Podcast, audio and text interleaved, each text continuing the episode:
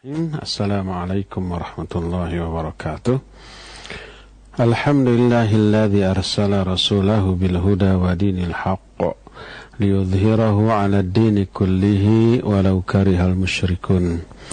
Wa asyhadu an la ilaha illallah wahdahu la syarika lah iqraran bihi wa tauhidan واشهد ان محمدا عبده ورسوله صلى الله عليه وعلى اله واصحابه وسلم تسليما مزيدا Waba'd Alhamdulillah kembali kita berjumpa untuk melanjutkan kajian tentang masalah Tauhid Kemarin kita sudah membahas uh, kematian Berpisahnya ruh dari jasad dan kematian adalah awal menuju gerbang akhirat. Makanya kematian dibahas oleh para ulama di dalam bab beriman kepada hari akhir. Berbicara tentang kematian, kita tidak bisa lepas dari berbicara tentang ruh. Karena mati itu seperti yang sudah kita jelaskan memenuhi empat kriteria Pertama, keluarnya ruh dari badan. Kedua, terputusnya hubungan ruh dengan badan. Tidak ada hubungan. Kalau masih ada hubungan, belum mati dia. Mungkin tidur, mungkin pingsan, atau yang sejenisnya. Ya, yang ketiga berubah. Kondisi badan berubah, ruh juga berubah. Badan sehari dua hari busuk, bau, kaku, nggak bisa lagi digerakkan. Nah, dan yang keempat berpindah dari satu alam ke alam lain, dari alam dunia ke alam barzakh ya. Empat kriteria kematian. Jadi ruh adalah uh, sesuatu yang menempati badan kita selama kita masih hidup. Apakah itu ruh? Berkata Syekhul Islam Ibn Taimiyah rahimahullah dalam Majmul Fatawa, "Wa madhhabus sahabati wat tabi'in lahum bi ihsan wa sa'iri salafil ummah wa a'immati sunnah anna ruha ainun qa'imatun bi nafsiha tufariqul badan wa tana'ama wa ta'adzaba laysat hiyal badan wala juz'an min azzaihi. Madhab para sahabat dan para tabi'in yang mengikuti mereka dengan kebaikan, madhab seluruh ulama-ulama salaful ummah dan imam-imam ahlu sunnah, menyatakan bahwa ruh itu materi yang berdiri sendiri, terpisah dari badan, dia juga mengalami nikmat bahagia ataupun menderita. Roh ini bukanlah badan dan bukan salah satu bagian dari badan. Dan ini ditekankan juga oleh Imam Ahmad dan imam-imam lainnya di kalangan ulama-ulama ahlus sunnah dan sahabat-sahabat Imam Ahmad tak ada seorang pun yang ikhtilaf di kalangan mereka tentang hal itu. Dalam bab lain berkata juga Syekhul Islam wassawab annaha laysat murakkabatun minal jawahiril mufradah wala minal madah wassurah wa laysat min jinsil ajsam al mutahayyizat al mashhudah al ma'hudah Kata beliau yang benar bahwa ruh itu tidaklah tersusun dari beberapa materi-materi yang terpisah-pisah yang bercampur. Tidak. Tidak berbentuk.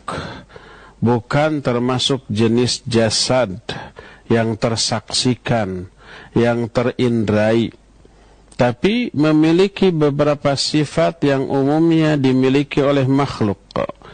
Dia naik, dia juga turun Ruh juga keluar dari badan, mengalir dari badan, sebagaimana diterangkan hal itu di dalam nas-nas hadis yang sahih.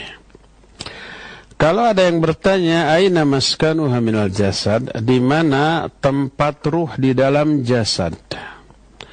Maka jawabannya adalah ruh tidak menempati tempat khusus di dalam jasad, tapi ruh ini menjalar atau mengalir di seluruh jasad sebagaimana mengalir atau menjalarnya kehidupan di dalam jasad, memenuhi seluruh bagian dari jasad.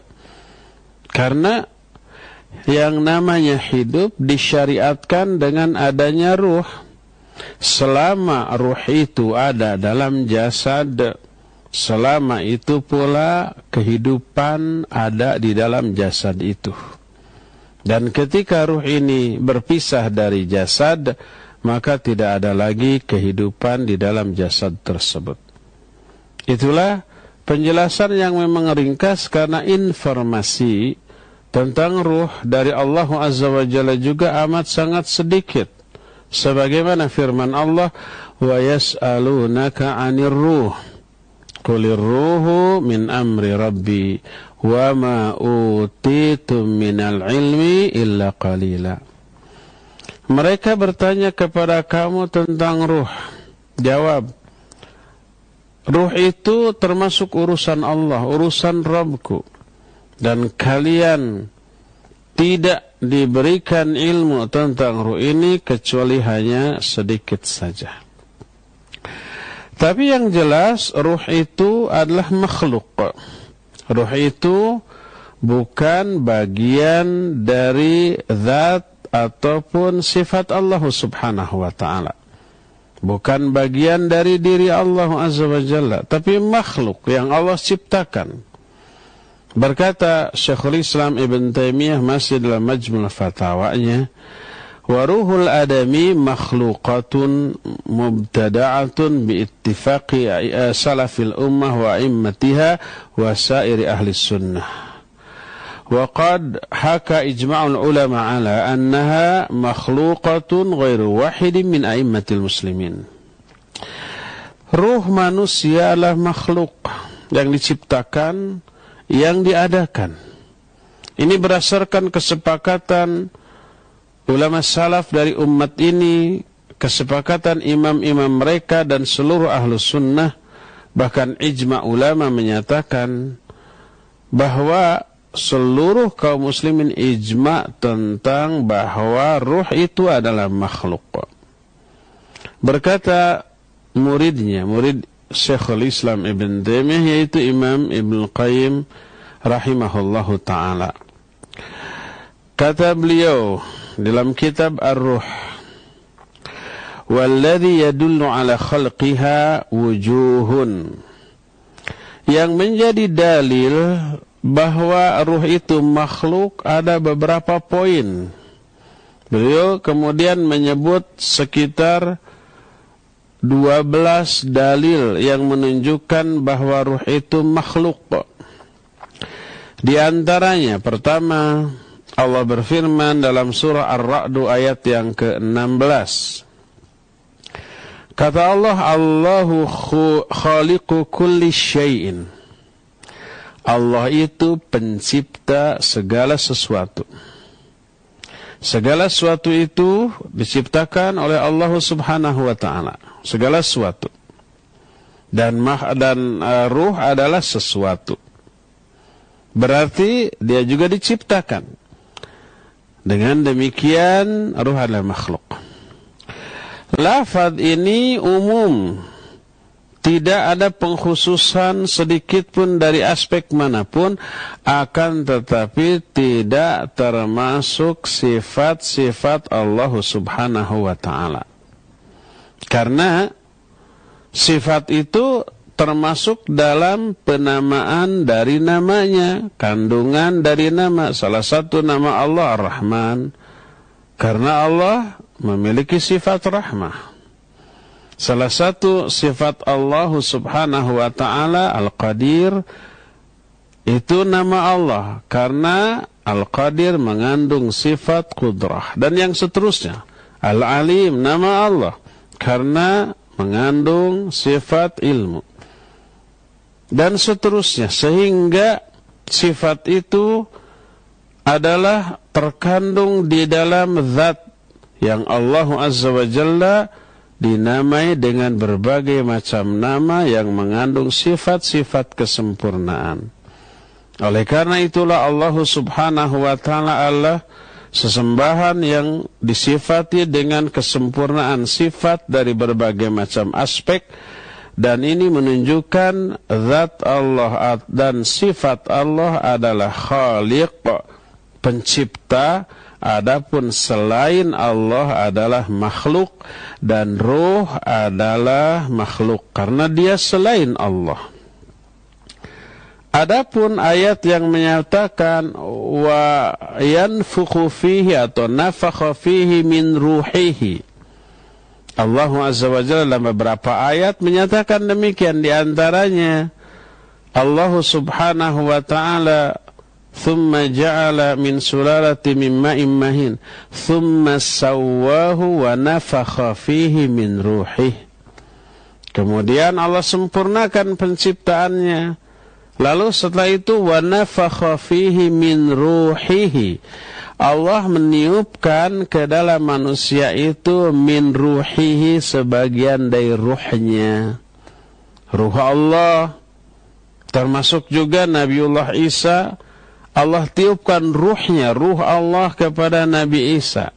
Sama seluruh manusia Ruhnya itu dari ruh Allah yang ditiupkan. Sebagaimana ayat dalam surah As-Sajdah tadi.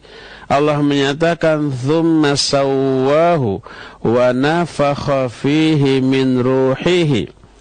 Lalu Allah sempurnakan penciptaan manusia, lalu Allah tiupkan kepada manusia min ruhihi sebagian dari ruh Allah. Apakah ruh Allah di sini adalah ruh bagian dari diri Allah? Bukan. Dalam bahasa Arab ini disebut dengan sebutan idhafat. Bahasa kitanya idhafat itu kata majemuk. Satu kata yang disandarkan kepada kata lain. Ruh disandarkan kepada ruh Allah. Nah, idhafat ada dua makna, dua fungsi. Bisa mutasilah, bisa munfasilah. Yadullah tangan Allah itu idafat. Tapi disebutnya muttasilah karena apa? Karena tangan Allah bagian dari zat Allah. Maka itu disebut muttasilah bagian. Yang kedua disebut munfasilah. Munfasilah itu terpisah. Kata yang disandarkan bukan bagian dari kata tempat bersandar seperti Abdullah, hamba Allah. Kita semuanya hamba Allah. Itu juga idhafat. Tapi idhafat munfasilah terpisah. Apakah hamba Allah itu hamba itu bagian dari zat atau diri Allah? Bukan. Tapi hamba milik Allah abdun lillah. Sama dengan baitullah, sama dengan ciptaan Allah khalqullah Fa'aruni madha khalaqal min dunihi. Hada khalqullah. Ini ciptaan Allah. Apakah ciptaan Allah itu bagian dari diri Allah baik zat ataupun sifat? Bukan. Terpisah. Artinya makhluk milik Allah. Kita hamba Allah. Milik Allah dikuasai oleh Allah sumber dari tapi bukan bagian dari diri Allah. Masjid rumah Allah. Apakah masjid itu bagian dari diri Allah baik segi zat ataupun sifat? Bukan, terpisah, tapi ciptaan Allah milik Allah. Begitu juga ruh Allah. Ini disebut dengan sebutan idhafah munfasilah. Artinya terpisah, tidak ada bagian ruhnya kepada Nabi Isa. Kita jawab, ya itu nas Quran dan hadis yang sahih. Kalau begitu, karena ruh Nabi Isa bagian dari diri Allah, maka boleh disemak. Nggak bisa, kalau begitu semua manusia boleh disemak. Karena seluruh ruh manusia dari ruh, ruhnya ruh Allah sebagaimana firman Allah wa nafakha fihi min ruhihi Allah tiupkan ke dalam diri manusia itu min ruhi uh, dari ruh Allah sebagian dari ruh Allah. Maksudnya ruh di sana ruh ciptaan Allah. Milik Allah tapi bukan bagian dari diri Allah. Sama dengan hamba Allah sama dengan baitullah sama dengan ciptaan Allah dan seterusnya ya. Inilah dalil yang pertama yang menyatakan bahwa ruh adalah makhluk. Kedua, Allah berfirman dalam surah Maryam ayat 9, "Wa qad khalaqtuka min qablu wa lam taku syai'a." Sungguh aku telah menciptakan engkau sebelumnya padahal sebelumnya kamu tidak bisa disebut apa-apa. Sebelumnya kamu itu tidak ada lalu diadakan. Kamu di sini Nabi Muhammad sallallahu alaihi wasallam dan manusialah secara keseluruhan. Sebelum diciptakan kamu ini tidak ada apa-apanya. Setelah diciptakan baru ada. Yang disebut dengan kamu di sini adalah badannya dengan ruhnya dua-duanya. Bukan hanya badannya saja, bukan hanya rohnya saja, tapi dua-duanya sebelum diciptakan baik jasadnya ataupun rohnya belum ada, tidak ada. Lalu diciptakan. Apa yang diciptakan? Apa hanya badannya saja? Tidak, dua-duanya. Ya badannya, ya ruhnya. Sebelumnya belum ada. Berarti itu baru. Diciptakan, diadakan oleh Allah Azza wa Jalla. Dan ini menunjukkan ruh sama dengan badan. Makhluk diciptakan. Yang sebelum diciptakan tidak ada. Termasuk Al-A'raf ayat 11 Allah menyatakan walaqad khalaqnakum thumma sawwarnakum thumma qulna lil malaikati isjudu li Adam. Kata Allah, sungguh kami telah menciptakan kalian. Kalian di sini manusia. Kemudian kami membentuk kalian. Menciptakan baik badannya ataupun ruhnya. Kemudian kami berkata kepada para malaikat, sujudlah kalian kepada Adam. Sujudnya malaikat kepada Adam bukan sujud beribadah seperti yang dilakukan kepada Allah, bukan tapi menghormat yang syariat saat itu membolehkan satu makhluk menghormati makhluk lain dengan cara bersujud. Dibolehkan saat itu. Tapi dengan niat apa? Dengan niat menghormati, bukan ibadah. Dan itu terus ketika Nabi Adam terusir dari surga, hidup di alam dunia, beranak pinak, berkembang biak. Lalu Allah menurunkan syariatnya, syariat yang Allah tetapkan salah satunya boleh menghormat dengan cara sujud saat itu. Seperti sujudnya Nabi Yusuf dan saudaranya kepada ayahnya yaitu Nabi Yakub. Sujudnya saudara-saudara Yusuf kepada kepada Yusuf dalam rangka menghormat. Saat itu dibolehkan.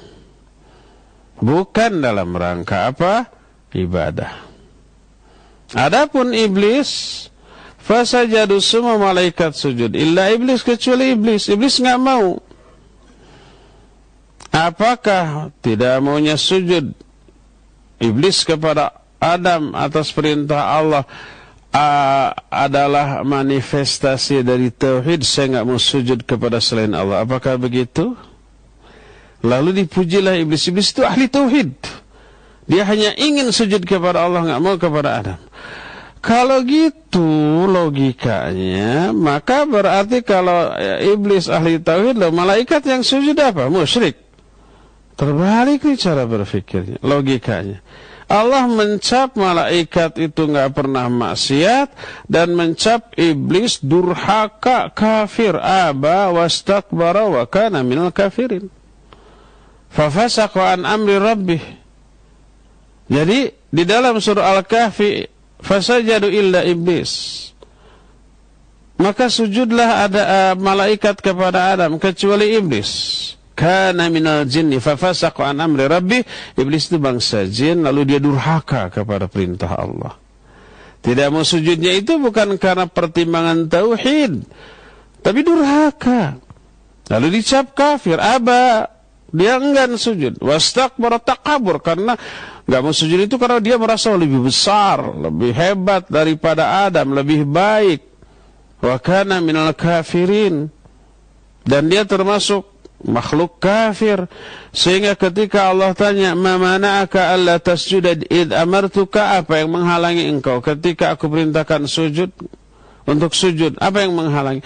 Dia bilang ana khairu minhu khalaqtani min nar khalaqtahu min tin. Jelas. Karena aku lebih baik dari Adam. Kau ciptakan aku dari api kau ciptakan dia dari Adam. Eh dari tanah. Kau ciptakan Adam dari tanah.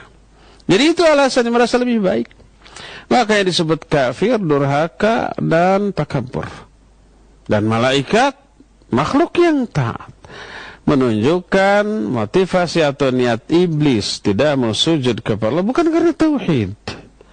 Karena ini bukan penyembahan, tapi penghormatan yang Allah bolehkan saat itu.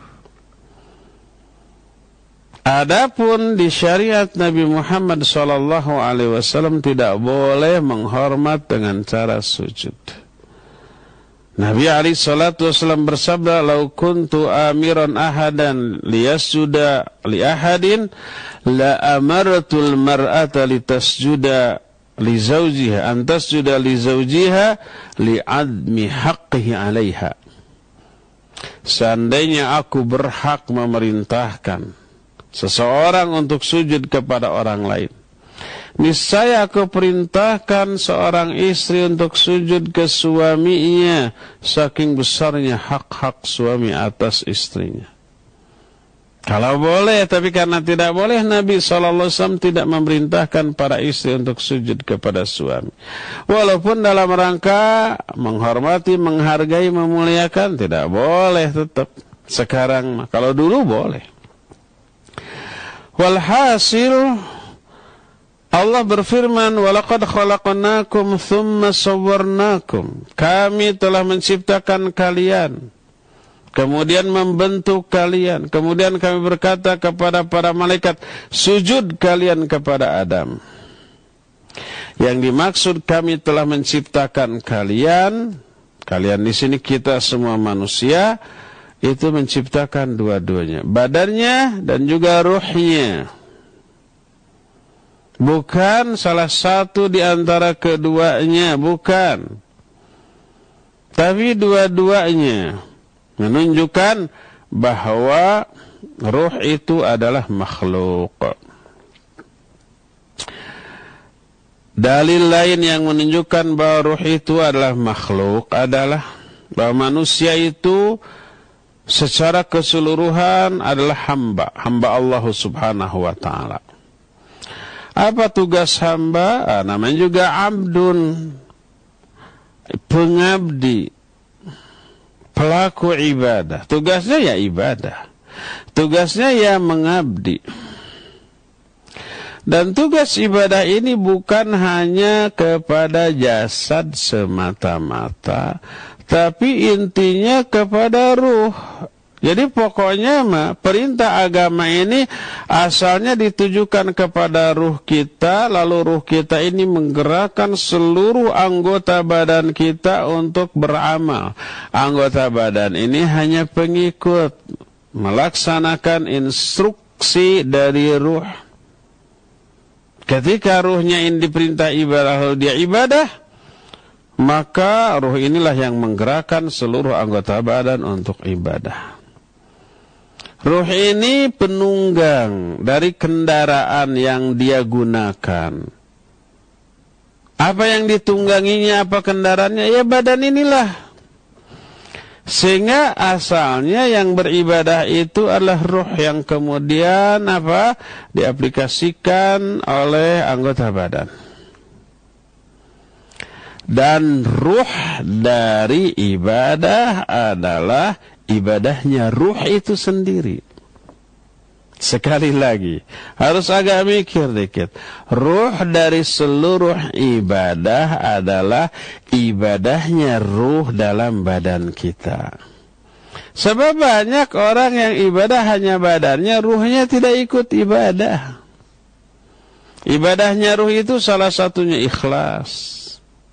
Ibadahnya ruh ini salah satunya kekhusyuan dalam ibadah-ibadah yang mengharuskan khusyuk. seperti sholat, seperti baca Al-Quran, seperti zikir, seperti berdoa. Ada nggak orang sholat hanya badannya, ruhnya mah enggak, pikirannya, hatinya mah ke mana-mana, berkelana kian kemari, ya enggak. Ada nggak yang seperti itu? Banyak, rata-rata sholatnya hanya badan loh. Mulutnya komat kamit. Pikirannya, hatinya ke mana? Ingat kepada urusan dunia. Badannya ruku Ketika ruku mulutnya juga baca doa ruku. Badannya itidal, mulutnya baca doa itidal. Badannya sujud, mulutnya baca doa sujud. Itu mulutnya, lidahnya, badannya itu badan. Ke mana ruhnya? Ikutkah sholat? Tidak. Ruhnya mah mengembara ke sana kemari. Kalau pedagang ingat kepada dagangannya, ingat kepada untung ruginya modal berapa, keuntungan berapa, yang masuk uang berapa, yang modal yang ter apa terkeluarkan sebelumnya berapa, untungnya segar. Itu tuh kalau dia pedagang. Kalau dia programmer yang difikirkan, nah program yang saya uh, rancang tadi itu gimana, kurangnya, lebihnya, kesalahannya, ya apa yang harus diperbaiki, kan gitu ya. Kalau umpamanya tukang tembok, bangunan ya, yang dipikirkan bangunan yang tadi sudah saya taplok itu apa lurus, apa tidak, apa halus atau tidak, harus diperbaiki atau tidak, memuaskan owner proyek atau tidak. Itu kan, dan seterusnya tuh. Itu yang difikirkan. Maka pahala dari sholat Allah berikan sesuai dengan kadar kekhusyuan. Ada orang sholat hanya memperoleh pahala sepersepuluhnya. Karena dia hanya meraih sepersepuluh dari kekhusyuan dalam sholatnya. Ada yang sepersembilan, seperdelapan, sepertujuh, terus ada yang seperdua setengahnya. Lumayan, setengahnya gede banget itu. Nyaris tidak ada yang 100% khusyuk dari awal sampai akhir. Jadi yang diperintahkan untuk ibadah teh siapa? Ruh sebenarnya, ya.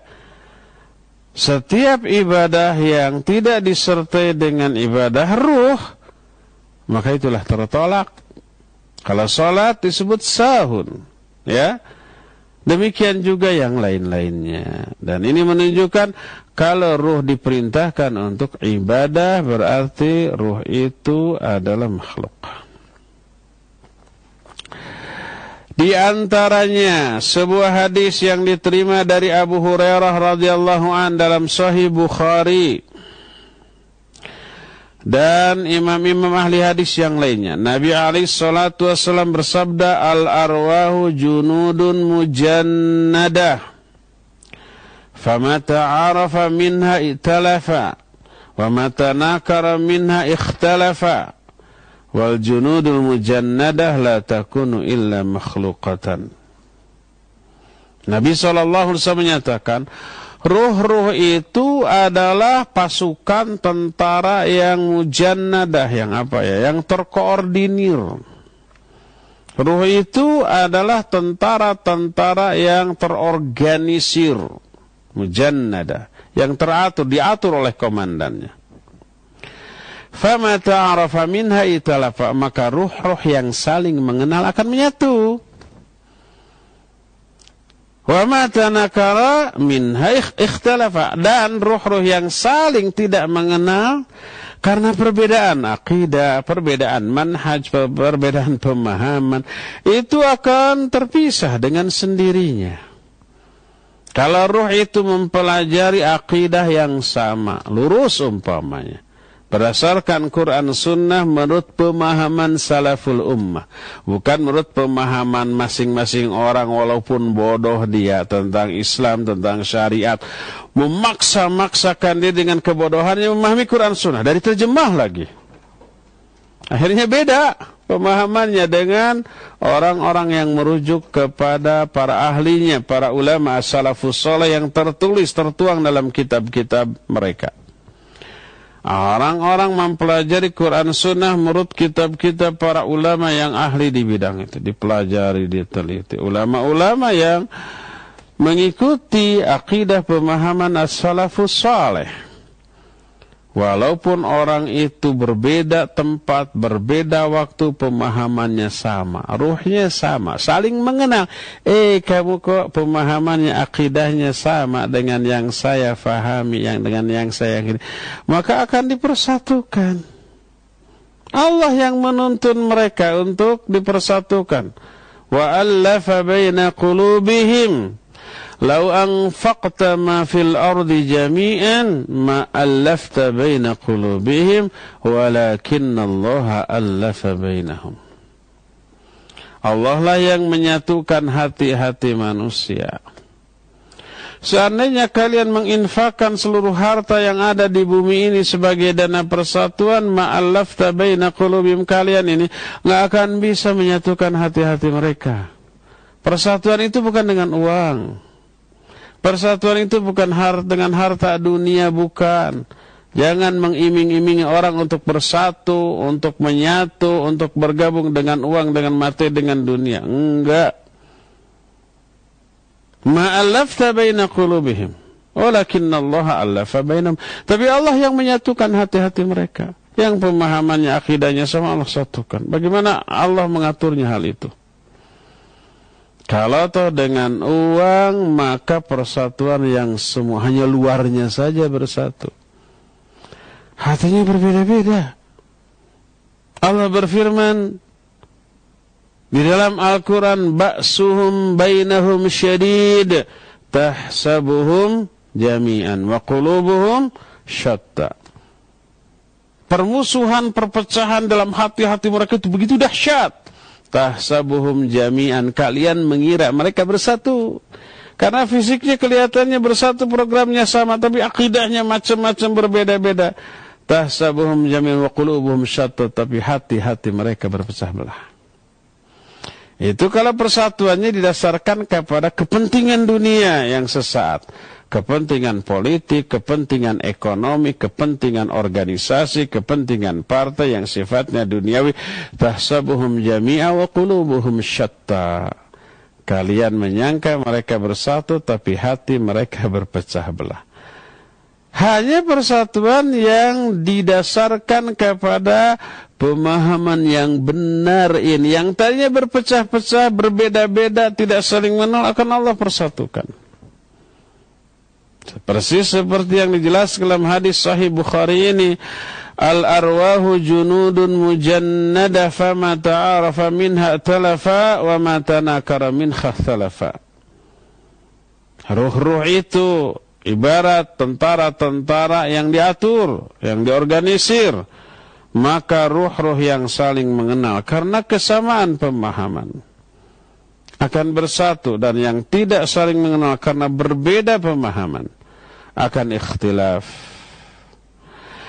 Dan pernyataan bahwa ruh adalah tentara yang dikoordinir menunjukkan ruh itu makhluk sebab tidak ada yang diatur dan dikoordinir kecuali itu pasti makhluk. Ditambah lagi bahwa ruh disifati dengan sifat wafat ruh dicabut, ruh dipegang, ruh dilepaskan, ruh naik, ruh turun dan seterusnya dan itu menunjukkan bahwa ruh itu makhluk.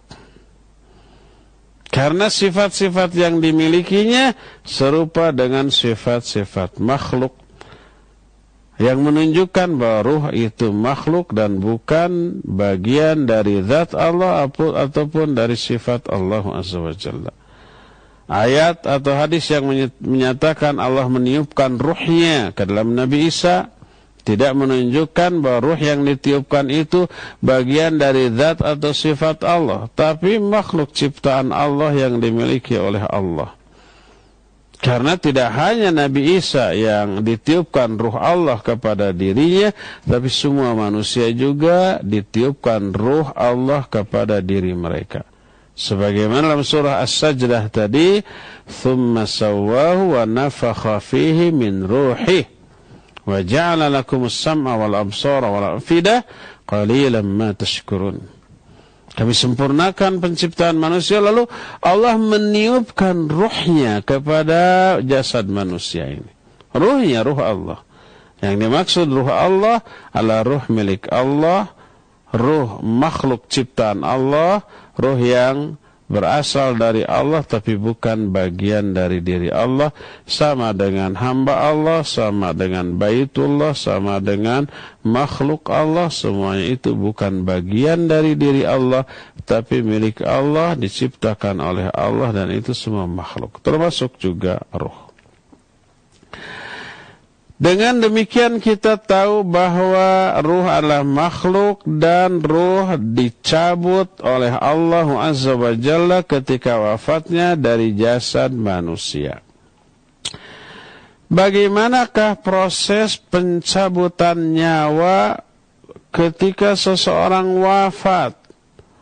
Baik seseorang itu mukmin ataupun kafir, baik yang soleh ataupun yang salah, yang taat ataupun yang maksiat, yang takwa ataupun yang durhaka. Proses dicabutnya ruh itu diterangkan secara detil dalam sebuah hadis yang panjang. Hadis ini diterima dari Al-Barra bin Azib radhiyallahu anhuma. Dia berkata, kami mengurus jenazah salah seorang laki-laki bangsa Ansor di Baqi Gharqad di pekuburan Baqi. Fa'atana Nabi sallallahu alaihi wasallam faqa'ada wa qa'adna haulahu ka'anna ala ru'usin ala ru'usina al-thair. Datanglah Nabi wasallam kepada kami ke kuburan tersebut. Beliau duduk dan duduk pulalah kami di sekelilingnya dengan tertunduk seolah-olah di atas kepala kami ini ada burung. Beliau mengambil sebatang dahan atau kayu lalu ditancap-tancapkan ke tanah sambil berkata, Ista'idhu billahi min azabil qabr. Berlindunglah kalian kepada Allah dari azab kubur. Tiga kali beliau menyatakan demikian. Para sahabat pun lalu berkata, Na'udzubillahi min azabil qabr. Kami berlindung kepada Allah dari azab kubur. Mulailah Nabi alaihi salatu wassalam menjelaskan tentang proses kematian. Kata beliau sesungguhnya seorang hamba mukmin bila sudah sampai pada masa akhir dari kehidupannya di dunia menjelang kepergiannya ke alam akhirat. Seorang mukmin mukmin dulu nih. Turunlah kepadanya para malaikat malaikat rahmat. Seolah-olah wajah mereka itu matahari cerah ceria gembira ramah menyenangkan. Mereka membawa kain kafan dari surga dan aroma wewangian dari surga Kemudian mereka duduk di sekitar orang mukmin yang akan mati ini dengan radius sejauh mata memandang. Kemudian datanglah malakul maut alaihi salatu wassalam. Dia duduk di sebelah kepala orang mukmin yang akan mati ini. Lalu berkata, Ya ayyatuhan nafsu tayyibah ukhruji ila maghfirati minallahi wa ridwan. Wahai jiwa yang baik, keluarlah engkau menuju ampunan dari Allah dan keridhaannya. Keluarlah dia mengalir si ruh itu dari jasadnya sebagaimana mengalirnya tetesan air dari gelas yang ditunggingkan. Ada gelas segelas air ditunggingkan. Apa tersendat? Tidak, lancar begitu saja. Diambillah ruh ini oleh malakul maut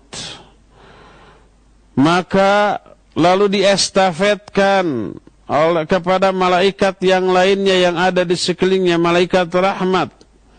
Lalu disimpan di atas kain kafan yang dibawa dari surga.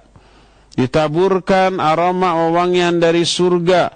Keluarlah aroma wangian yang lebih wangi daripada parfum minyak kasturi yang terwangi di alam jagat raya ini di permukaan bumi ini. Harum. Dibawalah naik ruh ini ke langit. Tidaklah ruh ini berpapasan dengan serombongan malaikat di jalan menuju langit. Kecuali malaikat Yang berpapasan itu bertanya, ruh siapa yang baik ini? Dijawab ini ruh fulan bin fulan. Disebut dengan sebaik-baik nama yang dahulu ketika di dunia dia dinamai dengan nama itu. Sampai tiba ke langit pertama. Minta dibukakan. Dibukakan. Terus dibawa ke langit kedua. Minta dibukakan pintu langit kedua, dibukakan terus begitu sampai ke langit ketujuh. Allah berfirman, "Uktubu kitab 'abdi fi 'illin." Fa inni minha khalaqtuhum wa fiha u'iduhum wa minha ukhrijuhum taratan ukhra. Catatkan catatan hambaku ini di iliyin kembalikan dia ke tanah karena aku menciptakan mereka dari tanah ke tanah pula aku akan mengembalikan mereka dan kelak aku keluarkan lagi mereka dari tanah di kali yang lain nanti. Lalu dikembalikanlah ruhnya ke jasadnya di alam kubur. Datanglah dua malaikat menyuruhnya untuk duduk. Setelah duduk ini di alam barzakh, alam kubur, bukan di kuburannya. Bertanyalah dua malaikat, siapa Rabbmu? Dia menjawab, Rabbku Allah. Ditanya lagi apa agamamu? Dia menjawab, agamaku Islam.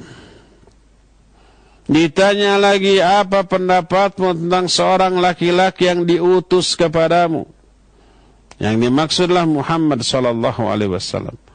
Di alam kubur yang ditanya bukan siapa gurumu, siapa pemimpinmu, siapa uh, imammu enggak, tapi siapa nih? Laki-laki yang diutus ke tengah kalian.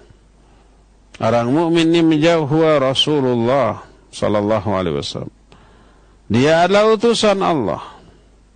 Ditanya, ma ilmuka? Bagaimana? Allah hambaku ini hamparkan bagi dia karpet yang diambil dari surga dan walbisuh minal jannah berikan pakaian dari surga dan bukakan pintu menuju surga. Fayatihi min rauhiha wa tibiha wa yufsahu lahu fi qabri mudda basarihi. Lalu Bertiuplah angin surga, kenyamanannya, wanginya, ya wangian surga masuk ke alam kuburnya. Lalu diluaskanlah alam kuburnya dengan luas sejauh mata memandang. Ini yang namanya nikmat kubur bagi orang mukmin. Allahumma ja'alna minhum. Ya Allah jadikan kami termasuk golongan orang-orang mukmin yang memperoleh nikmat kubur yang selamat dari azab kubur, yang selamat dari fitnah kubur. Terus apa yang terjadi? Wa ya'tihi rajulun husnul wajh. Datang seorang yang wajahnya elok, bagus. Husnul thiyab. Pakaiannya juga bagus. Watibur rih dan oh, aroma tubuhnya wangi. Masalah memakai parfum yang menyenangkan. Betul nggak kita? Berada di samping orang yang tubuhnya wangi, penampilan fisiknya menarik, tutur katanya sopan dan santun. Oh, senang. Ini di alam kubur datang tuh ada orang kayak begitu ke orang mukmin. Dia berkata, "Abshir billadhi yasurruk. Hadha yawmuka alladhi kunta tu'ad." Berbahagialah engkau dengan apa yang akan membuatmu bergembira. Inilah hari yang telah dijanjikan untukmu. Orang mukmin ini bertanya kepada si tamu yang datang, "Man anta?" Fawajhuka alladhi yaji'u bil khair. Kamu ini siapa? Wajahmu datang dengan membawa kebaikan. Orang itu menjawab, "Ana amaluka salih." Aku amal solehmu ketika di dunia. Amal soleh orang mukmin itu menjelma di alam kubur jadi orang yang baiknya sebaik amal yang dia lakukan ketika di alam dunia. Lalu diterangkan, "Fawallahi ma 'alimtuka illa annaka sari'un fi ta'atillah wa bati'un fi ma'siyatillah fajazakallahu khaira." Demi Allah, kata si tamu ini, aku tidak mengenalmu ketika di dunia, kecuali yang aku tahu engkau ini orang yang selalu bersegera dalam kebaikan dalam ketaatan kepada Allah tapi lelet ketika akan bermaksiat kepada Allah. Allah balas kamu dengan kebaikan pada hari ini. Lalu dibukakan apa namanya diperlihatkan tempat tinggal dia nanti di surga itu tuh Diperlihatkan ada istana yang megah dengan kekayaan yang melimpah, seluruh peralatan terbuat dari emas, dari perak, bidadari-bidadari surga, ada mahkota. Oh, yang luar biasa. Maka greget nih orang. Sampai-sampai berdoa, Rabbi aqimissa, aqimissa hatta arji'a ila ahli wa mali. Ya Allah, segerakan kiamat. Sekarang ya Allah sehingga aku bisa kembali kepada keluargaku, kepada istriku dan kepada hartaku. Saking ingin segeranya menikmati istana yang diperuntukkan untuk dia di surga nanti. Inilah orang mukmin yang memperoleh nikmat kubur seperti yang diisyaratkan tadi yang semoga Allah masukkan kita ke dalam golongan orang mukmin seperti ini. Amin. Ini saat ijabahnya doa ya. Ba'da asar hari Jumat Allahumma ja'alna minal mu'minin. Ya Allah jadikan kami orang-orang mukmin yang memperoleh nikmat kubur seperti yang diterangkan dalam hadis ini. Allahumma rizukna husnul khatimah waj'alna birahmatika min ahli jannah. Ya Allah rizkikan kepada kami husnul khatimah. Dan jadikan kami dengan rahmatmu sebagai ahli surga. Amin ya rabbal alamin. Ya. Inilah proses dicabutnya nyawa dari seorang mukmin. Sekarang ini sebaliknya bagaimana nasib orang kafir atau orang durhaka? Bagaimana proses dicabutnya nyawa orang kafir atau orang durhaka ketika dia berada di ujung masa hidupnya di dunia. Ketika dia mengalami sakaratul maut, ketika Allah telah menetapkan ajalnya untuk dia. Berbeda dengan yang dialami oleh mukmin tadi. Begitu mengerikan, begitu mengenaskan. Proses dicabutnya ruh dari orang kafir atau orang durhaka ini kita akan bahas Jumat yang akan datang. Sekarang mas sudah habis waktunya untuk menjelaskan sehingga kita masih punya sisa waktu untuk bertanya jawab ya. Dan dipersilakan mengajukan pertanyaan baik oleh telepon, WA ataupun SMS ke nomor yang nanti atau tadi juga sudah disebutkan oleh pembawa acara. Dan untuk memandu tanya jawab ini saya kembalikan kesempatan ini kepada Al Akhal Fadil Fawas di studio Radio Roja Cilengsi. Dipersilakan Fawas. Wa sallallahu ala nabiyina Muhammadin wa ala alihi wa wasallam. Silakan. Baik, terima kasih kami ucapkan untuk Al Ustaz Jazakumullahu khairan Materi bahasan nasihat yang sangat berharga yang telah kita simak bersama Dan ikhwatal Islam untuk selanjutnya bagi Anda yang akan bertanya Secara langsung kami persilahkan melalui telepon di 0218236543 Atau melalui pesan singkat ke 0819896543 Silakan di kesempatan pertama kami coba sapa dari penelpon 0218236543 kami coba sapa. Ya. Nah. Assalamualaikum. Waalaikumsalam warahmatullahi wabarakatuh. Silakan hmm. Ibu pertanyaannya. Afwan. Ya, Afwan Ustaz. Uh, Ana adalah uh, temanya mungkin nggak sesuai dengan itu tapi anak ada permasalahan. Ya silakan bu ya apa tuh? Saya ini adalah dulu ya 10 tahun sudah 10 tahun menjadi istri jemaah tazir gitu. Nah. Ya. Baik sepertinya terputus. Mohon maaf untuk ibu yang sudah masuk tadi, kami sampaikan permohonan maaf. Barangkali di kesempatan berikutnya kami coba sapa kembali 0218236543 dan tentunya kami berharap pertanyaan berkesesuaian dengan bahasan di kesempatan sore hari ini. Baik, pertanyaan datang dari pesan singkat terlebih dahulu. Ya, eh, datang dari Bapak Urip di Bandung. Assalamualaikum warahmatullahi Ustadz mohon penjelasannya apakah selain kepada manusia Allah juga meniupkan ruh kepada makhluk hidup lain semisal binatang atau yang lainnya mohon penjelasannya dan hikmah dari hal tersebut barakallahu fiik.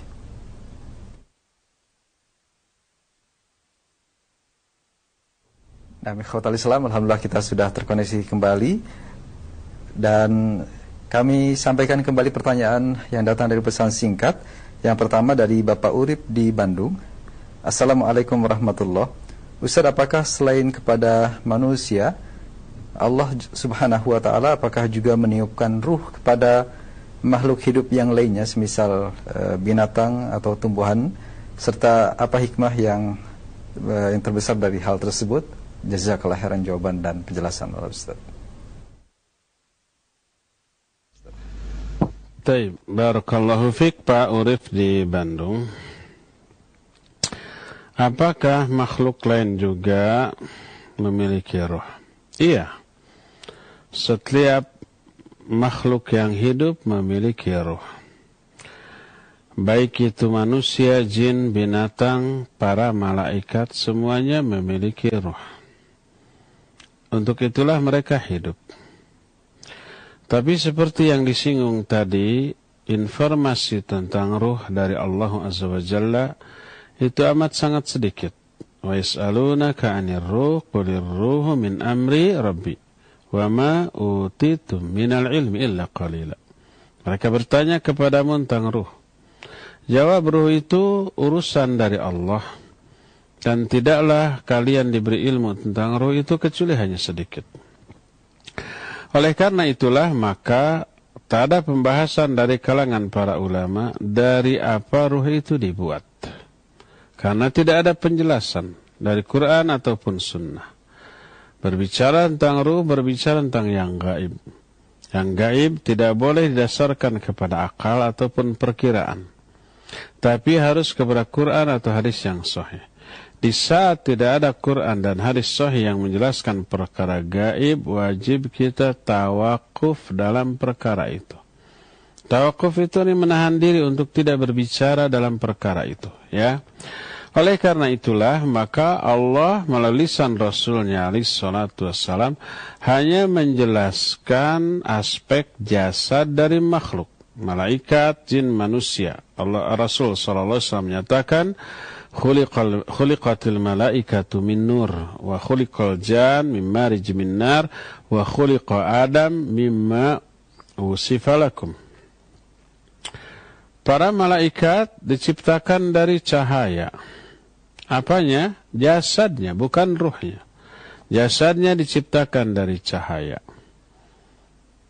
Adapun bangsa jin diciptakan dari api. Adapun Adam diciptakan dari apa-apa yang telah diterangkan kepada kalian. Itu dari tanah campur air yang hina dan seterusnya. Ya, itu adalah jasadnya, bukan ruhnya. Adapun ruhnya, apakah ruh para malaikat, ruh manusia, ruh binatang, ruh jin sama materi asal pembuatannya? Wallahu alam tidak diterangkan dari apa ruh ini diciptakan. Kalau jasad kita diciptakan dari tanah dan air. Kalau jin diciptakan dari api. Kalau malaikat diciptakan dari tanah. Itu jasadnya. Kemudian ditiupkan roh. Dan suatu saat mereka semua mati. Malaikat mati, jin juga mati, manusia mati. Dan matinya karena dicabutnya rohnya dari jasad mereka. Matinya para malaikat diisyaratkan baik Al-Quran atau hadis yang sahih. Di antara Allah berfirman, Wa nufikha fissur, fasoika man fis samawati wa man fil ad illa man Allah. Ditiuplah sangkakala. Maka matilah semua yang ada di langit. Siapa yang ada di langit? Ya para malaikat. Bukan Superman, bukan burung, bukan Gatot Gaca. Burung itu masih di dunia loh masih di bawah awan. Walaupun ribuan kilometer di atas awan sampai ke bulan itu masih bukan langit itu, ya. Oleh karena itu, fasaika man fis samawati wa man fil. Matilah siapa yang ada di langit dan siapa yang ada di bumi. Yang ada di langitlah para malaikat. Yang ada di bumi adalah kita semua. Malaikat juga ada di bumi. Jin jelas di bumi, manusia di bumi, binatang. Itu semua mati dan matinya adalah terpisahnya roh dari jasad ya. Ya malaikat ada ruhnya kemudian jin juga ada ruhnya karena jin juga mati kecuali iblis nanti matinya pada hari kiamat ya. Adapun anak turunnya dari kalangan bangsa jin mereka mati. Apalagi manusia dan juga binatang. Semuanya itu mati karena dicabutnya ruh dan mengisyaratkan mereka memiliki ruh akan tapi sekali lagi dari apa ruh itu dibuat wallahu alam bisawab tidak ada keterangan. Wallahu alam. Silakan lagi. Terima kasih jazakallahu khairan jawaban dan nasihat Al Ustaz. Untuk selanjutnya dari pesan singkat atau WhatsApp dari Bapak Iwan di Purwakarta. Assalamualaikum warahmatullahi wabarakatuh. Mohon penjelasannya. Apakah sebelum uh, ruh meninggalkan jasad ada ciri-ciri tertentu bagi mereka yang akan meninggal dunia. Mohon penjelasannya jazakallahu khairan ya Ustaz. Taib, barakallahu fiik. Adakah ciri-ciri orang yang akan mati? Iya, kalau ciri-ciri syar'i tidak ada penjelasan. Adapun ciri-ciri hissi, Ciri-ciri hisi itu ciri-ciri yang logis, yang ilmiah, yang empiris, yang realistis. Mungkin para dokter tahu umpamanya ya, orang yang karena sudah puluhan atau ratusan atau bahkan ribuan orang uh, meninggal ketika ditangani oleh dokter, semua yang akan mati itu tanda-tanda fisik atau organ-organ vital dari tubuhnya sudah terpantau dan bisa memprediksi berdasarkan pengalaman dan ilmu yang mereka miliki. Oh ini mungkin matinya sekian hari lagi. Itu prediksi saja. Bukan meramal tapi perhitungan. Memperhitungkan berdasarkan pengalaman yang ada berdasarkan kondisi organ vital dari si pasien. Adapun secara syar'i kita sering salah dalam menduga. Jangan kita, jangankan kita ya termasuk Nabi Shallallahu Alaihi Wasallam pun tidak tahu apakah orang ini sebentar lagi akan mati ataukah masih lama hidupnya. Sebagaimana suatu saat Sa'ad bin Abi Waqqas radhiyallahu an ketika di Mekah mengalami sakit parah. Ditengok oleh Nabi alaihi salatu wassalam. Lalu Sa'ad bin Abi Waqqas mengatakan, Wahai Rasulullah, aku mengalami sakit parah seperti yang kau lihat. Hartaku banyak. Sedangkan ahli warisku cuma satu. Apa boleh enggak hartaku ini aku wasiatkan, aku infakkan, aku sodakohkan. Kata Nabi Ali Shallallahu Wasallam tidak boleh. Setengahnya ya Rasulullah tidak boleh juga. Bagaimana kalau sepertiganya? Oh, sepertiga juga sudah banyak. Dan Nabi SAW membolehkan, mewasiatkan sepertiga dari hartanya untuk kepentingan visabilillah. Karena kenapa demikian? Karena saat bin Abi Waqqas merasa ajalnya sudah sangat dekat. Dan Nabi SAW tidak mengingkari perasaan saat yang akan sebentar lagi akan meninggal tersebut. Tapi apa yang terjadi? Yang terjadi setelah Nabi SAW pergi kembali ke Madinah, Sa'ad bin Abi Waqqas ditinggalkan di sana. Eh ternyata dia sembuh lagi. Sehat lagi, bahkan umurnya masih panjang sampai Nabi SAW wafat pun Sa'ad bin Abi Waqqas masih memiliki peran yang sangat hebat bagi perkembangan Islam dan kaum muslimin di masa-masa setelahnya. Beliau menjadi panglima Islam yang sangat terkenal. Tadinya sudah menyangka mati, dirinya menyangka mati. Nabi SAW juga membolehkan dia berwasiat sepertiganya sepeninggal kematiannya itu, menunjukkan, mengisyaratkan, beliau pun menyangka ini mau mati karena parahnya. Ternyata tidak. Masih hidup lagi beberapa lama lagi. Menunjukkan Nabi SAW juga tidak mengetahui perkara gaib tentang ke kapan kematian seseorang kecuali apabila diberitahukan oleh Allah Azza wa Jalla. Alimul ghaibi fala yudhiru ala ghaibihi ahada illa man irtada min rasulin. Allah lah yang maha mengetahui perkara gaib dan Allah tidak memberitahukan perkara gaib ini kepada seorang pun kecuali kepada Rasul yang diridhoinya. Tapi apa perkara gaib yang tidak diberitahukan oleh Allah Nabi tidak tahu. Termasuk akan matinya atau masih lamakah usia dari Sa'ad bin Abi Waqqas Nabi SAW tidak mengetahui. Tapi yang jelas beliau membolehkan wasiat dengan sepertiga dari hartanya kalau mati saat itu. Menunjukkan tidak ada ciri-ciri khusus orang ini akan mati. Seringkali kita menyangka seseorang ini sakaratul maut. Sudah ditalqin gitu ya. Ternyata sembuh lagi. Bahkan punten ini Afan. Saya punya pengalaman. Saya soal punya seorang sahabat. Dirawat di rumah sakit. Ya, parah keadaannya. Istrinya telepon, Ustaz tolong, suami saya kayaknya sudah mau meninggal. Saya bilang, selama saya belum datang, talkin dulu, talkin dulu. Saya berangkat ke rumah sakit. Begitu sampai di rumah sakit ada tanda-tanda beliau lagi sakarat. Pokoknya udah nggak ingat. Saya talkin. Sekitar jam sepuluhan gitu pagi talkin la ilaha illallah la ilaha illallah sampai zuhur saya pamit dulu. Musolat zuhur dan selesai zuhur saya ada acara saya tidak bisa terus teruskan aja talkin. Istrinya sudah beres-beres biaya rumah sakit. Istrinya sudah pesan siap-siap ke di kampungnya untuk me, apa namanya menyambut jenazah.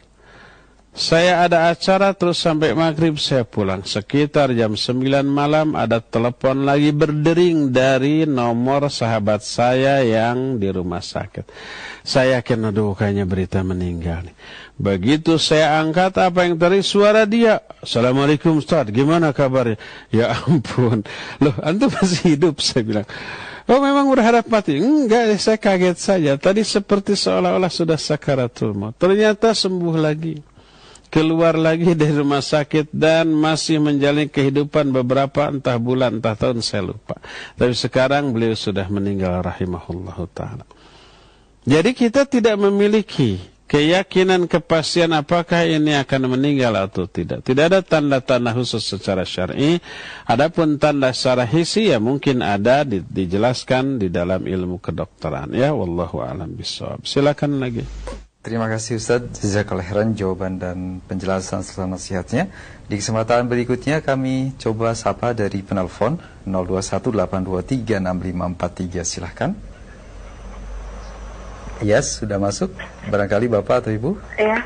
Ya. Assalamualaikum warahmatullahi wabarakatuh. Waalaikumsalam warahmatullahi wabarakatuh. Silahkan. Uh, ini di luar tema ya Pak Ustadz, apa ya? Silahkan disampaikan. Ya, uh, Ustadz, Uh, di apa di tempat saya itu ada kiai besar ustadz mengajarkan Al-Qur'an dan tafsir Al-Qur'an. Uh, saya itu um, be, uh, mengaji ke sana, cuman pertamanya itu kan di awalnya tuh seperti ada kayak tahlilan, terus ada apa doa-doa untuk leluhurnya, tapi saya tidak mengikuti. Saya hanya niat dan fokusnya untuk belajar Al-Qur'annya. Pas sampai sholat asar setelah sholat asar itu juga nggak langsung aja dikir dikir uh, setelah sholat wajib uh, masih doa langsung doa doa tapi saya tetap yang diajarkan di TV ini yang zikir setelah sholat itu oh, nggak apa-apa Ustaz. Uh, saya tetap ingin bertalabi ini mengaji, tapi tidak sama dengan yang yeah. diajarkan seperti di TV sunnah. Itu bagaimana Ustaz? Karena saya belajar di rumah di televisi juga, tapi saya ingin bertalabi ilmi dengan Eh, teman-teman uh, gitu. Terima kasih iya. atas penjelasannya. Terima Assalamualaikum kasih. warahmatullahi wabarakatuh. Waalaikumsalam warahmatullahi wabarakatuh. Nah, silakan Ustaz. Iya, Ibu yang barusan bertanya, barakallahu fik. Kalau yang dimaksud pengajian yang Ibu ikuti itu adalah sekarang di musim pandemi, saya anjurkan jangan datang. Siapa pun yang mengadakan pengajiannya apalagi di zona merah, Bu, ya karena beresiko, beresiko terkena. Sekarang ini orang-orang yang terpapar COVID-19 ini begitu meningkat pesat, hampir di setiap kota ya. Sehingga sebagian kota ada wacana untuk memperlakukan lockdown lagi atau PSBB lagi. Uh, jam malam sudah jelas diberlakukan termasuk di Bandung ya. Razia-razia pemakaian masker juga sudah dilaksanakan tadi juga di daerah Batu Jajar ini ada razia masker ya. Saya lewat alhamdulillah pakai masker. Yang tidak pakai masker ada hukuman disuruh bersih-bersih ya. Dan itu mendidik untuk mendisiplinkan warga agar apa? memakai masker demi kepentingan dia sendiri dan masyarakat pada umumnya. Jadi kalau pengajian yang ibu maksud adalah yang sekarang lebih baik jangan ya itu yang pertama. Nah kedua kalau tidak di musim pandemi mau ngaji, maka datanglah ke pengajian yang sudah nyata-nyata ustadznya sesuai dengan Quran Sunnah menurut salaful ummah. Tidak dilihat dari ketinggian ilmu orang tersebut, tapi lurus atau tidak akidahnya, manhajnya, pemahamannya. Sebab apa? Sebab ilmu ini adalah agama. Al ilmu dinun fanduru min aina akhadtum dinakum. Ilmu ini agama. Perhatikan. Dari siapa? Dari orang yang kayak bagaimana kamu mengambil agamamu. Kalau mengambil agama dari orang-orang yang pemahamannya keliru, otomatis pengamalannya juga menyimpang. Nanti kita ikut terbawa menyimpang. Oleh karena itu para ulama ketika menjelaskan orang-orang yang ketika membahas Quran Sunnah dengan cara yang menyimpang itu sama dengan istihza kepada ayat-ayat Allah Azza dan apabila kita melihat kepada orang yang istihza salah satu istihza adalah menerangkan memahami Al-Quran dan As-Sunnah tidak dengan pemahaman yang sebenarnya kata Allah fala taq'udu mahum hatta yakhudu fi hadithin ghairi. Jangan kalian duduk-duduk bersama mereka ya. Kalau kalian duduk bersama mereka Kalian termasuk orang-orang zalim. Oleh karena itu ada larangan yang tegas. Ngajilah kepada ustaz yang nyata-nyata direkomendasikan oleh sesama ustaz sunnah. Yang pemahamannya lurus, akidahnya benar ya Manhajnya juga lempeng, bisa dipertanggungjawabkan. Tidak hanya pemahaman dan ilmunya, juga pengamalannya. Nah nggak mungkin orang pemahamannya benar Pengamalannya menyimpang dari sunnah Nabi SAW nggak mungkin. Kalau pengamalannya menyimpang Itu pengamalan adalah refleksi dari pemahamannya.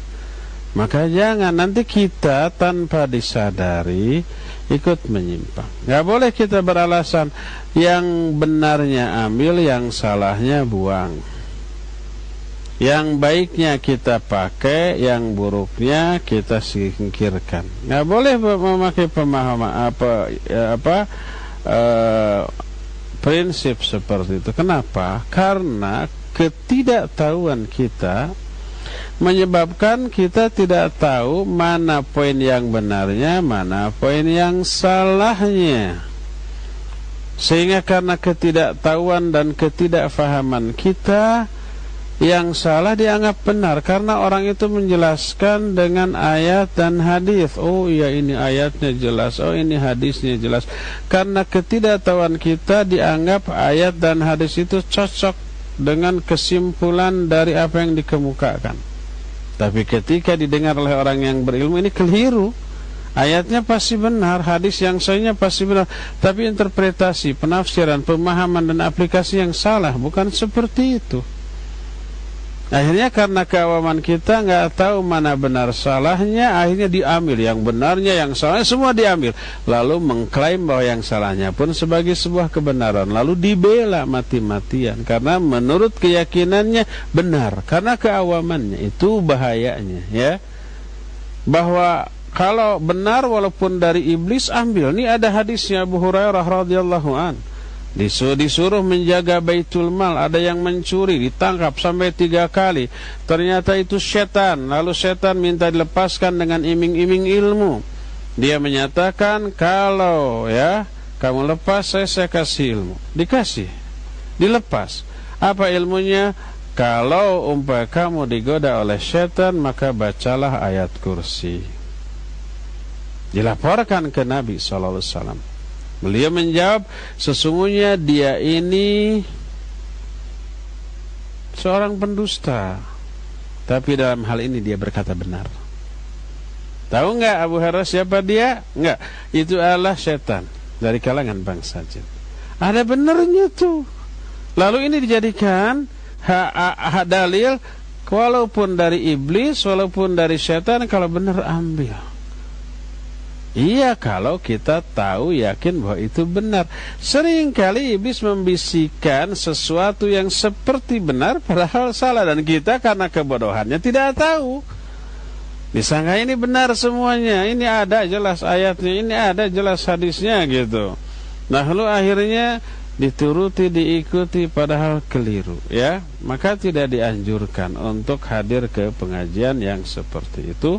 Wallahu alam bisawab Silakan lagi Fawas yang terakhir ya. Terima kasih Ustaz Jazakallah khairan jawaban dan nasihatnya.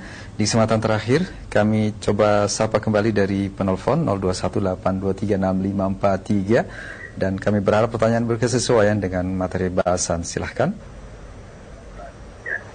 Assalamualaikum warahmatullahi wabarakatuh. Waalaikumsalam warahmatullahi wabarakatuh. Silakan dengan siapa dari mana, Bapak? Dari Ilmar di Jawa Barat. Silakan Bapak. Silakan Pak. Assalamualaikum warahmatullahi wabarakatuh. Pak Waalaikumsalam warahmatullahi wabarakatuh. Mohon maaf sebelumnya Bapak dikecilkan volume radio atau televisinya Karena ada feedback Bapak yang cukup mengganggu. Barangkali di mute terlebih dahulu Agar lebih jelas suaranya Bapak. Silakan Pak pertanyaan Eh, saya punya teman atau kerabat. Iya. Uh, sakitnya sudah hampir 10 tahun. Allah, setelah ya. pulang dari tanah suci. Tapi sampai sekarang belum sembuh-sembuh, tidak bisa. Ya, kadarullah terputus. Bapak yang menelpon terputus kadarullah pertanyaan teleponnya barangkali bisa dicoba atau mungkin bagi pendengar yang lainnya silahkan kami coba sapa kembali 0218236543. Ya silakan. Assalamualaikum. Waalaikumsalam warahmatullahi wabarakatuh. Ya silakan. Kami uh, berharap pertanyaan berkesesuaian dengan tema ya Bu ya.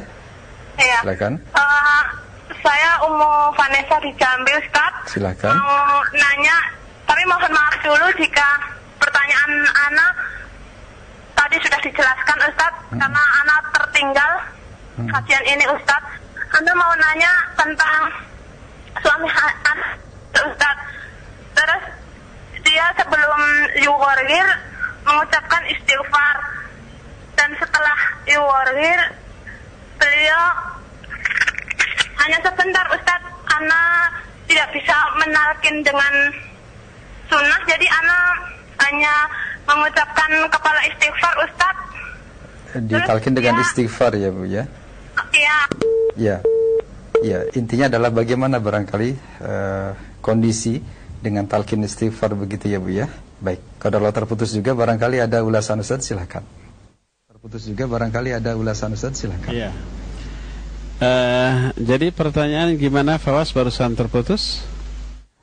Ya, bagaimanakah hukumnya jika uh, di dalam talqin hanya sempat dengan uh, lafaz istighfar paling kali itu Ustaz. Ya, baik, barakallahu fiqh. Talqin itu bukan membisikkan istighfar tapi kalimat tauhid. La ilaha illallah ya, bukan astagfirullah, bukan subhanallah, bukan Allahu akbar, bukan yang lain-lain. Tapi bisikan ke dalam telinganya agar orang itu mengucapkan la ilaha illallah. Walaupun dosa orang itu besar, nggak nggak nggak boleh kita membisikkan istighfar istighfar yang banyak. Tapi bisikan la ilaha illallah. Sebagaimana Rasul sallallahu wasallam kepada Abu Talib pamannya menyatakan ya ammi qul la ilaha illallah kalimatan asyhadu laka biha indallah. Hai ami hai pamanku ucapkan olehmu la ilaha illallah satu kalimat yang aku akan menjadi saksi bagimu di sisi Allah dengan kalimat itu. Ya. Ini yang pertama. Kedua, agar kalimat terakhir yang keluar dari mulutnya itu kalimat tauhid. Siapa yang penutup perkataannya selama di dunia la ilaha illallah Rasul sallallahu alaihi menjamin masuk surga. Maka na akhiru kalamihi la ilaha illallah dakhala al jannah siapa orang yang uh, akhir dari perkataannya di dunia adalah la ilaha illallah dia akan masuk surga. Oleh karena itulah maka yang diperintahkan oleh Rasul sallallahu alaihi wasallam bukan istighfar tapi la ilaha illallah. Beliau berkata laqinu mautakum la ilaha illallah. Talqinkan orang-orang yang akan mati di antara kalian dengan mengucapkan la ilaha illallah. Ini perintah Nabi Shallallahu Alaihi Wasallam. Tidak pernah beliau menyatakan bimbing dia untuk istighfar karena banyak dosa agar terhapus dosanya tidak. La ilaha illallah adalah yang disyariatkan yang jauh lebih utama daripada istighfar karena la ilaha illallah itu adalah hak Allah mentauhidkan Allah sedangkan istighfar adalah permintaan kepada Allah hak sesama hamba. Tunaikan hak Allah. Menunaikannya lebih utama daripada meminta hak kita kepada Allah subhanahu wa ta'ala oleh karena itu talqin yang disyariatkan sekali lagi bukan istighfar, bukan kalimat lain, tapi kalimat tauhid la ilaha illallah. Demikian ya Bu ya. Oke, cukup sampai di sini insyaallah kita akan berjumpa kembali di hari Jumat yang akan datang. Subhanakallahum bihamdik asyhadu an la ilaha illa anta astaghfiruka wa atubu ilaik walhamdulillahi rabbil alamin. Wassalamualaikum warahmatullahi wabarakatuh.